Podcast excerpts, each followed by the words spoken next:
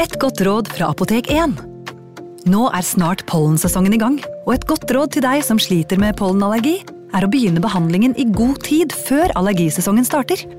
Da får du nemlig enda bedre effekt av legemidlene, og så blir ikke våren din helt ødelagt. Kom innom og få råd på ditt nærmeste Apotek 1, eller chat med oss på apotek1.no. Apotek 1 vår kunnskap, din trygghet.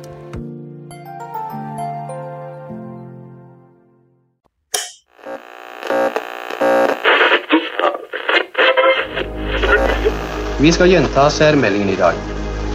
Nummer én Kjerringa er galen. Nummer to På ski over lyng og kvast. Nummer tre Baklengs inn i aftensangen. Baklengs inn i aftensangen. Vi skal til natt til 21. august 1942. Eh, midt på natten, Eirik Veum. Det stopper en drosje i nærheten av Møllergata, og fem menn kommer ut. Det er ved Deichmanske bibliotek, da, det gamle, disse søylene. Og fem menn går nedover Møllergata mot hovedkvarteret til statspolitiet. Dette er nede ved her i Hammersborg der, eller den eh, tunnelen som nå skal liksom legges ned, eller mye snakk om, ved hovedbrannstasjonen i Oslo. Det er ikke det triveligste strøket i Oslo, eh, den gata akkurat nå. Nei. Eh, Jeg vet ikke hvordan det var da, men eh, disse fem mennene har dramatiske ting i eh, ermet. Ja, de ehm, er bevæpnet. De har skytevåpen med seg. De har også med seg en bombe. Dette er en litt sånn uvanlig aksjon der målet var å likvidere andre mennesker. At man tok i bruk bomber. Og de, ehm, de går da nedover gatene her. Det er, eh, det er mørkt, selvfølgelig. Det er eh, litt sånn regn i lufta. Det er jo det er midt på sommeren. Men det har begynt å bli litt sånn småkjølig, så det er litt sånn tåkete, sånn dis som ligger da gjennom disse herre øh, Eller ligger over byen. Og det er litt vind også, da, som det ble sagt, drar seg gjennom de nattestille gatene. Veldig detaljert beskrivelse man har i dette her. Ja, og det er jo en av de som var med på aksjonen, som da senere har beskrevet det i detalj. Ja. Han Asbjørn Sunde, som eh, forklarte eh, hvordan det var. Men de går da nedover og eh, skal da inn da i Henrik Ibsens gate 7, som er da hovedkvarteret til, til statspolitiet i, i seg Oslo, men også da hovedkvarteret til, til statspolitiet i Norge, i samme lokale. Hva, er, hva var statspolitiet? Statspolitiet, det var en altså, altså Vidkun Quislings nasjonalsosialistiske politi, altså et eh, politisk politi som skulle ivareta okkupasjonsregimets eh, viktigste institusjoner og ta vare på Nasjonal Samling og NS-medlemmer, og hadde da i og for seg som, som uh, mål og oppgave å holde Norge stabilt, og ikke minst da fjerne det de kalte terrorister, som uh, vi i dag omtaler som motstandsbevegelsen. Ja. Så det var altså et politi som ble opprettet etter at krigen kom til Norge? Ja, eh, det var iallfall i den formen det fikk. Ja. Så sommeren eh, 41 så, så var jo da statspolitiet eh, i gang, og forsøkte først å rekruttere nok, nok tjenestemenn fra det ordinære politiet, det greide de ikke, så da henta de inn nordmenn som eh, hadde erfaring som frontkjempere på østfronten Ja. i SS, altså Waffen-SS. Og de gikk da inn i politiet som polititjenestemenn. Og hadde som oppgave da først og fremst å avsløre folk som jobbet mot eh, liksom, regimet, da, tyskerne og Ja. NS. Ja. Mm. Ja, Milorg, og de skulle ta i bruk alle midler, alle metoder, og det gjorde de. ja. Så de var brutale. Veldig brutale. Ekstrem eh, form for tortur ble tatt i bruk. Det var av og til så ille at eh, det tyske Gestapo, altså det tyske sikkerhetspolitiet, de gikk ofte inn i avhørssituasjoner, for eksempel, Ja. og sa til de norske polititjenestemennene at dere, dere kan ikke holde på sånn. Altså, dere slår dem jo i hjel. Oh, ja. Det er ikke poenget. Dere skal få ut informasjon, dere skal ikke banke dem for moro skyld. Og eh, flere tilfeller så ble jo norske fanger slått i hjel, eller drept da under uh, tortur. Og så var det tyskerne som tok på seg skylden, men det var norske tjenestemenn som sto bak det. Ja, fordi ikke vekke liksom, splitte befolkningen på en eller annen måte? Ja, ellers så var det enklere å hva skal jeg si, loggføre det som en, en, en tysk hendelse. Ja. Selv om statspolitiet også var under tysk kommando, så kunne det ofte bli litt mer støy og, og undersøkelser hvis det var norske tjenestemenn involvert. Så En av disse tjenestemennene, og kanskje selve hovedmålet for denne nattlige ekspedisjonen, var en som het Arne Halvor Tofteberg. Og han jobbet da, som du var inne på, som en hardtslående eh, politibetjent i statspolitiet.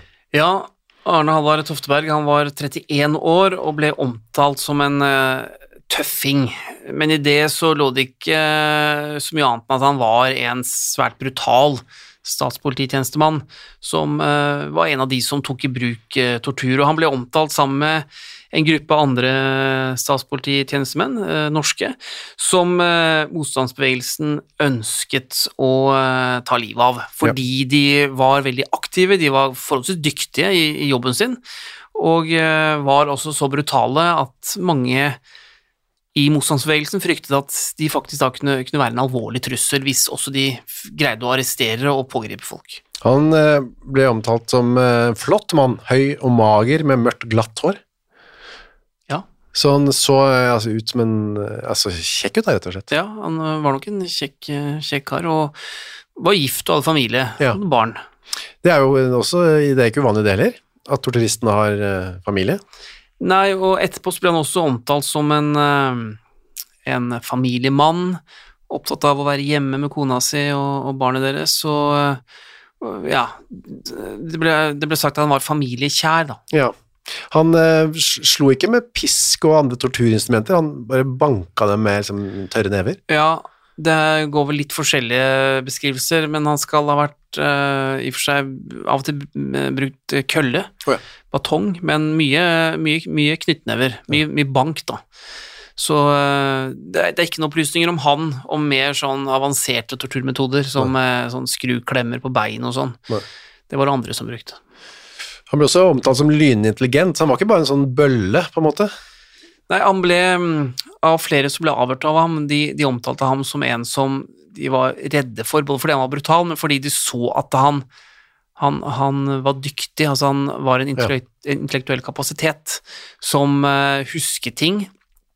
Han uh, var ikke en person som drakk mye under avhør og sånn, altså han, han fulgte med, altså han var veldig opptatt av å etterforske og løse sakene, få ut tilståelser og finne ut hva som hadde skjedd. Også tilståelser som førte en videre i sakene. Mm. Man kunne rulle opp større eh, nettverk. Så han ble, ble omtalt som en, en farlig eh, og alvorlig trussel da, Motstander, ja. mot, eh, mot Milorg. Og en av de som eh, fortalte om det, var en mann som ble arrestert og avhørt av ham, som havna på sykehuset, men som etterpå ble plassert på en sånn eh, transporttjeneste og møtte en i den tjenesten, da, på litt sånn merkelig måte, møtte en som var på frifot, og som var leder av motstandsbevegelsen, som sa eh, han skal vi ta oss av, eller lignende da. Disse skal vi ta oss av, sa han vel han eh, til svar på dette her da. Ja, og da er det jo eh, Arne Halvard Tofteberg som blir omtalt, i tillegg til en gruppe da på tre andre tjenestemenn som han deler kontor med, og som da blir sett på som et, et mål som de skal nå rydde av veien. Ja, så det er altså opp til um, kontoret hans og disse karene her, oppe i, i sjette etasje i uh, statspolitiets hovedkvarter. Disse fem mennene nå anført av Asbjørn Sunde skal uh, inn, og det er jo, altså de skal inn i statspolitiets hovedkvarter. Det er jo uh, risikofullt, for å si det mildt. Ja, ja, det er et ekstremt farlig oppdrag. Og i dette hovedkvarteret så er det jo døgnbemanning. Ja. det er vakter der, og det vet de.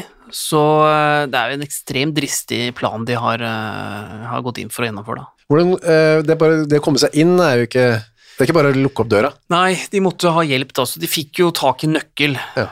Og um, låser seg inn eh, bakdøren. Og så eh, er det jo Altså, de, de har um, fått en god beskrivelse av hvordan det er der inne, og hva som møter dem. Ja. Men det er mørkt, og det er vakthold, så det er klart eh, de må jo ha vært ekstremt nervøse og spente. De hører, når de går altså inn oppover, så hører de klapring fra skrivemaskiner, og liksom at det er aktivitet i huset der. Ja. Og de går da gjennom gangen her, som, eh, og, og inne fra kontorene så hører de da at det sitter folk og jobber på natta. Det er sikkert da tjenestemenn som har vakt, og som sitter og skriver rapporter eller noe sånt, og vet jo at når som helst så kan det da en dør åpne seg, det kan komme en ut, en tjenestemann eh, som er bevæpnet, og som da vil være en eh, Selvfølgelig en, en ekstrem trussel mot dem, men det vil da sannsynligvis ender med en skuddveksling, og, og folk vil, bli drept. Ikke noe som mister, folk fra sin egen gruppe. Og Møllergata 19, eh, hvor liksom hele hovedkvarteret er, det er veldig nærme. Ja, det er over gata, Ja. steinkast. Så det er klart, eh, går alarmen her, så er situasjonen ekstremt farlig. Men altså, Asbjørn Sunde, som eh, er sjefen for denne gruppa, han er med selv, og det er også litt, er det, pleide han å være med på det? For det er jo, altså, hvis han blir tatt, så er jo gruppa på en måte over og ut. Ja, nei, de første operasjonene så er han faktisk med, og altså han er jo en leder som, som deltar veldig aktivt Ja. i uh, noen av de farligste oppdragene Sunde og Osvald-gruppa gjør, men, eh, og her er han jo virkelig med, altså helt, helt inne, men han hadde jo også denne kompetansen da, som de trengte her, Ja. nemlig med å kunne da montere en bombe inne på et kontor, og det hadde han eh, lært i, eh, i Spania, da han eh, sloss for kommunistene der. Ja, så han kunne plassere en bombe, ja. Skal vi se, vi, har ikke sagt hvem de andre er. Det er altså Asbjørn Sunde, han er 32 år, han er sjefen hos Fold-gruppen. Og så er det en som heter eh, Sigurd Peder Hansen og Håkon Eriksen, det er rørleggere. Mm. En bygningsarbeider som heter Johan Peter Brun, Mm. og en som heter Alf Kristiansen, som er jernbanearbeider. Det er ganske sånn eh, manuelle yrker, de kommer fra disse gutta her. Ja, dette er jo Dette er jo da karer som tilhører da en kommunistisk motstandsgruppe, og de hentet jo mange av folka sine fra de miljøene. Arbeidere, rett og slett. Arbeider, rett og slett. Ja.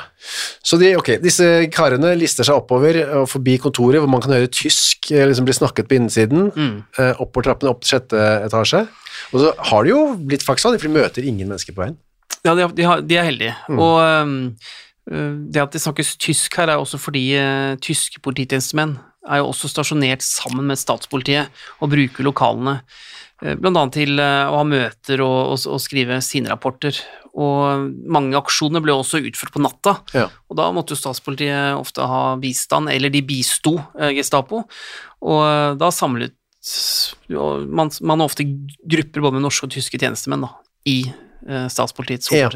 Og grunnen til at man eh, ikke bare liksom skyter Tofteberg på gata, Jeg hadde lyst til å ta hele den ikke bare han, men disse kollegene hans som var liksom den hatete gruppen da, i statspolitikk, ikke sant? Ja, de satt jo da på rom 11 oppe Mm. i sjette etasje.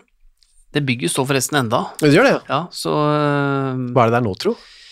Ja, nå hadde iallfall uh, Dagsavisen hadde iallfall kontorer der. Oh, ja. Det ligger jo øh, på, Altså, det ligger jo da ved den tunnelen. Ja.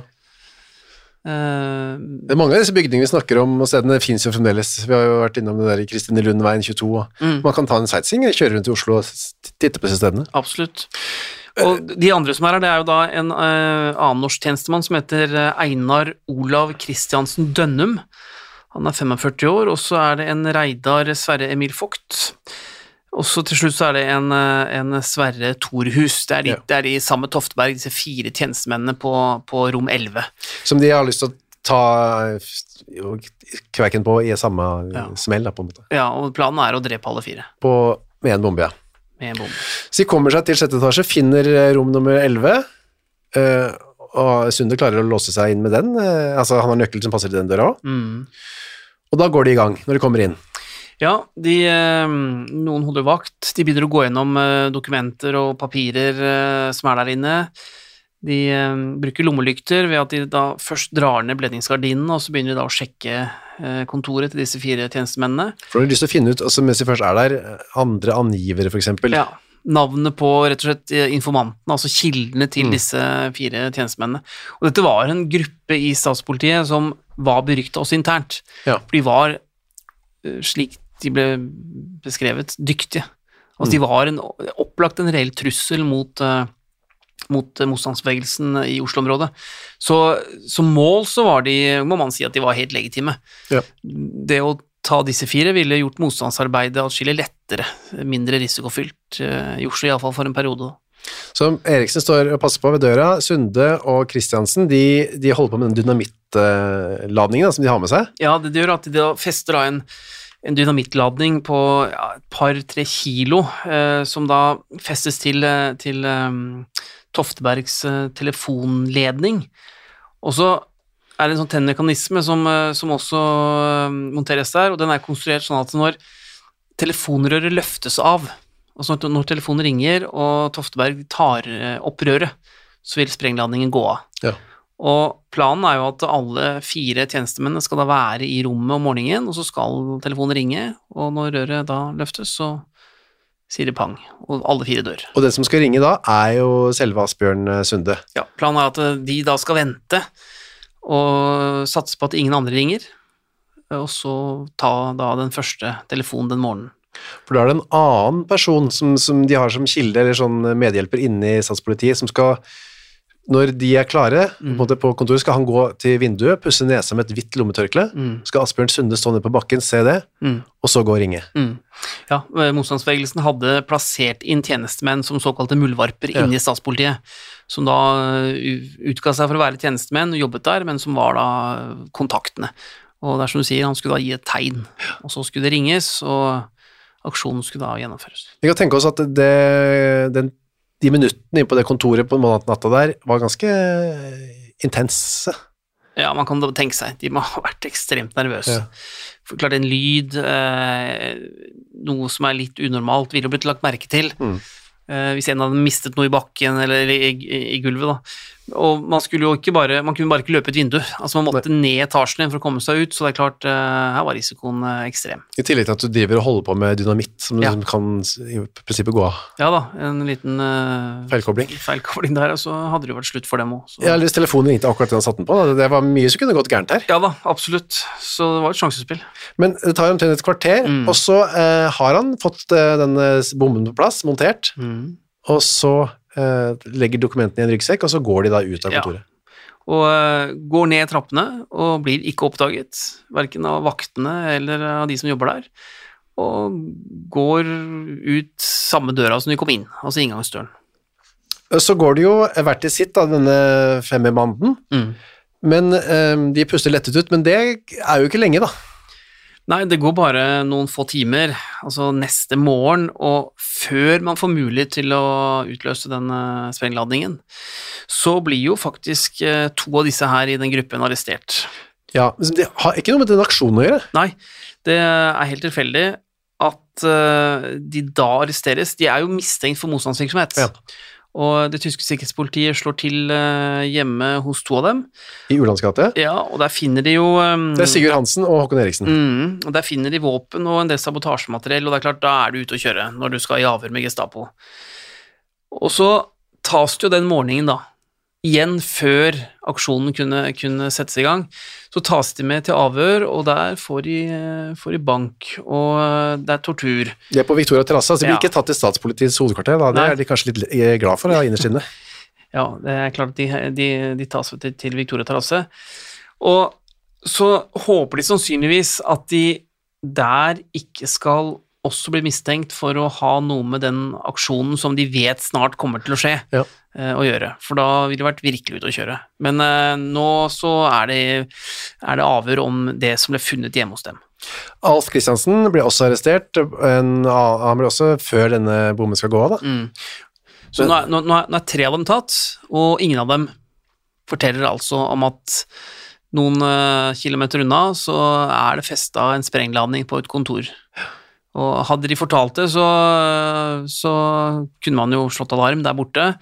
Kanskje de hadde fått eh, litt mildere behandling, sannsynligvis ikke, men de lar altså være å, å si noe.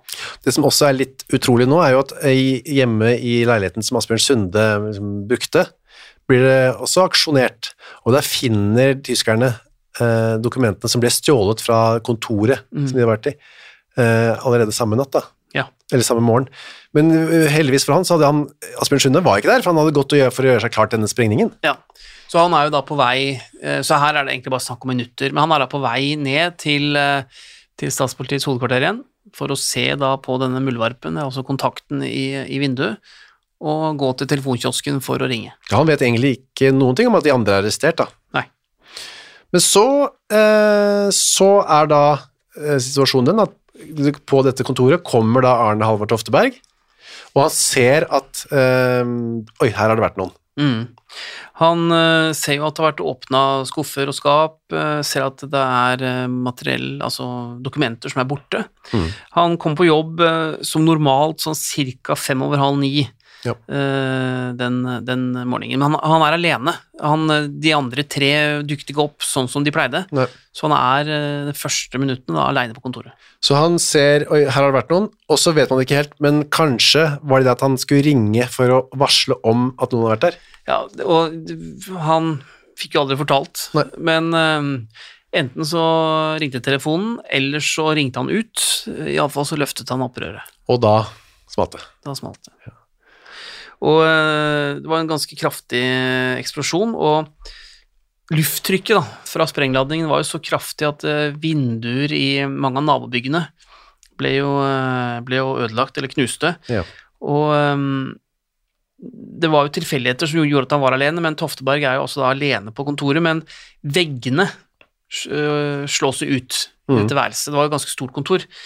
Men nabokontorene er det jo folk på. Og der er det to uh, av statspolitiets tjenestemenn, en som het Stian Beck, og en annen som het uh, Hans-Willy Aspelin. De uh, blir begge ganske hardt skadd, men, men overlever. Det kommer en som heter Kranz, en statspolitifullmektig. Han skal på kontoret og hører denne eksplosjonen, Ja. og løper opp uh, og ser liksom papir og trebiter som liksom svever gjennom lufta. Ja, han fortalte jo om det etterpå. Han står jo da ute på fortauet og ser jo da hvordan kontorene i alle uh, Altså langs hele rekka, og også i etasjene over og under, blir da eh, ødelagt, og at da lufttrykket da eh, gjør at papir og glasskår og, og alt mulig støv og sånn eh, kommer ut av, ut av vinduene. Han løper opp til sjette etasje og finner inn i værelse 11, men der er det bare et hull i veggen. Der ligger ikke noe Tofteberg. Nei, han øh, ser jo at det står en øh, veldig skada eller såra øh, kollega inntil veggen og har masse blod, og, og det, er, det er ganske voldsomt. Det brenner jo og ryker, eh, folk roper, og så ser han at det er et stort hull inne på dette kontoret eller værelset nummer 11, og, eh, og et stort hull i gulvet. Men inne på nabokontoret, altså på andre siden av veggen, Værelse nummer 12. Værelse nummer tolv. Der ser han jo at Arne Halvard Tofteberg ligger på gulvet. Så han har da blitt slengt gjennom veggen, som da synes jeg også har blitt sprengt i stykker, men har blitt kasta ganske langt, øh, langt fra pulten sin. Han er ved bevissthet, da. Arne Halvard. Ja, han, øh, han er det, men han er øh, Han er blodig og har åpenbart ganske kraftige skader. Men han er ved bevissthet og sier også noe, så, så han er våken og, og forholdsvis klar. Men han har jo såpass alvorlige skader at han, han dør jo da tre timer etterpå på sykehus. Hvordan blir det da Knyttes de her Så sitter det da tre stykker eh, arrestert eh, som har vært med på det, men de eh, Ja, blir de knytta til dette her, eller når skjer det? Det som uansett skjer først, Erik, er at han begraves. Mm. Han blir gravlagt, og dette er jo en av de første mm, gravferdene hvor uh, offeret er en, uh, en tjenestemann, Ja. og som er blitt uh, drept av, uh, av Så motstandsbevegelsen. det, den, den begravelsen blir gjort veldig stort nummer ut av. Ja, ja. Vi, det er til og med et innslag i, i um, Filmavisen, en norsk film, ukesrevy som det het. Vi kan høre på, høre på det. Statspolitibetjent Arne Halvard Toftebergs bisettelse i det nye krematorium ble en sjelden gripende høytidelighet og fikk en særlig storslått ramme i det så vel reiskommissær Terboven som ministerpresidenten, general Polizei Redis, en rekke av ministrene og framstående representanter for det tyske ordenspoliti og sikkerhetspoliti var møtt fram for å vise den avdøde en siste ære. Ministerpresident Quisling inspiserer et æreskompani. Ja, det var altså alt som kunne krype og gå av uh, nazififf, hvis vi kan bruke det ordet, Mm. var til stede.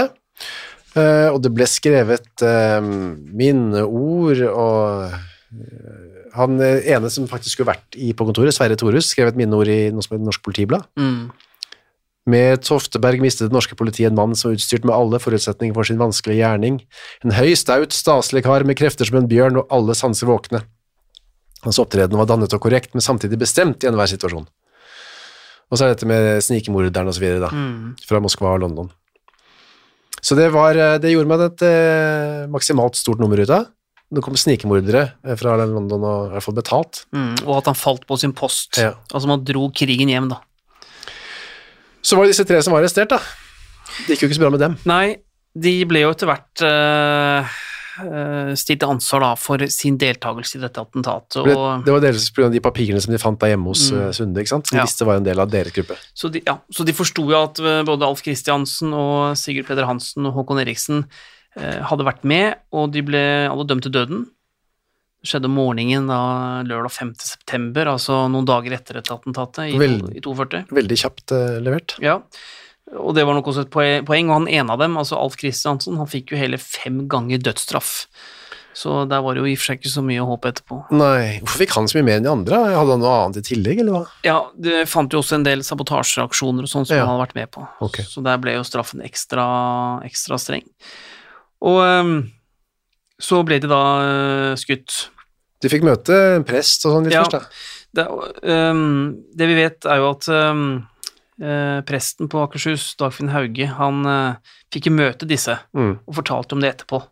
Og eh, han fortalte hvordan det var da å sitte og snakke med, med tre unge menn som eh, nettopp var dømt til døden, og som visste at de snart skulle skytes. Og som sa, altså, så sa han at de var preget, men at de var eh, ganske rolige.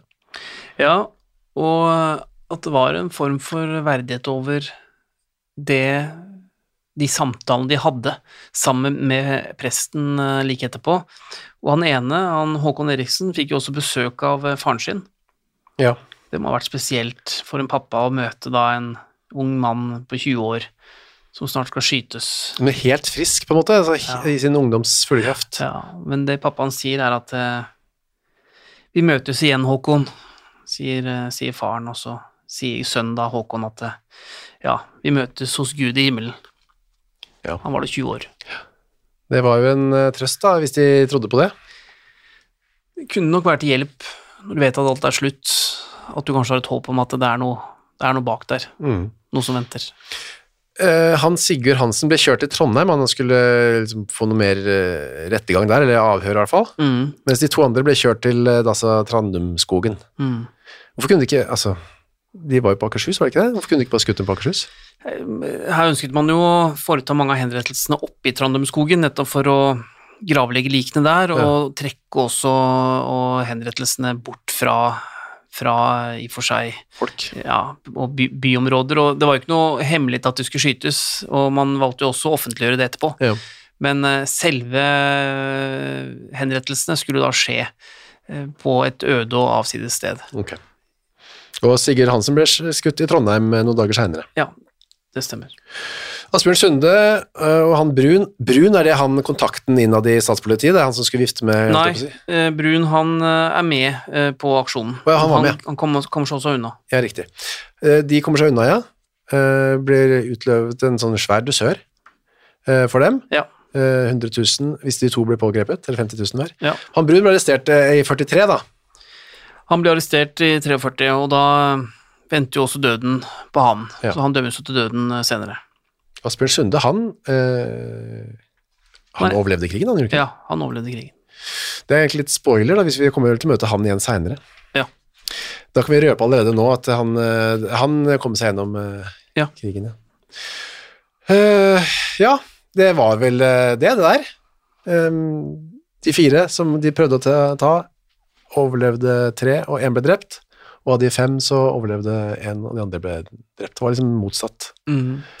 Og av de, eh, av de fire tjenestemennene da, som skulle tas livet av, så blir da én drept, mens eh, to av de blir likvidert uh, seinere. Ja. Så det er kun én av de som, som overlever. Så en av hver som overlevde krigen. Ja. Ja, og de to, Sverre Torus og Reidar Vogt, kommer vi kanskje tilbake til senere episoder. Det gjør vi. Du, det var det vi hadde av uh, mørkets gjerninger fra krigens dager for denne gangen. Mm. Vi høres igjen om en uke. Det gjør vi.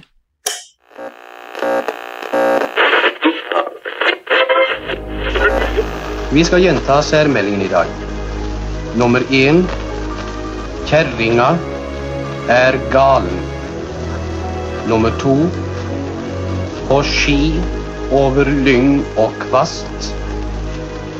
Nummer tre Baklengs inn i aftensangen. Baklengs inn i aftensangen.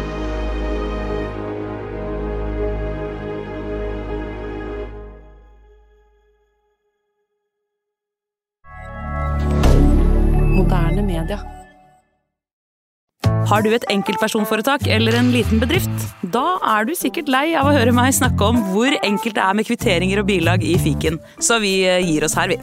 Fordi vi liker enkelt. Fiken superenkelt regnskap.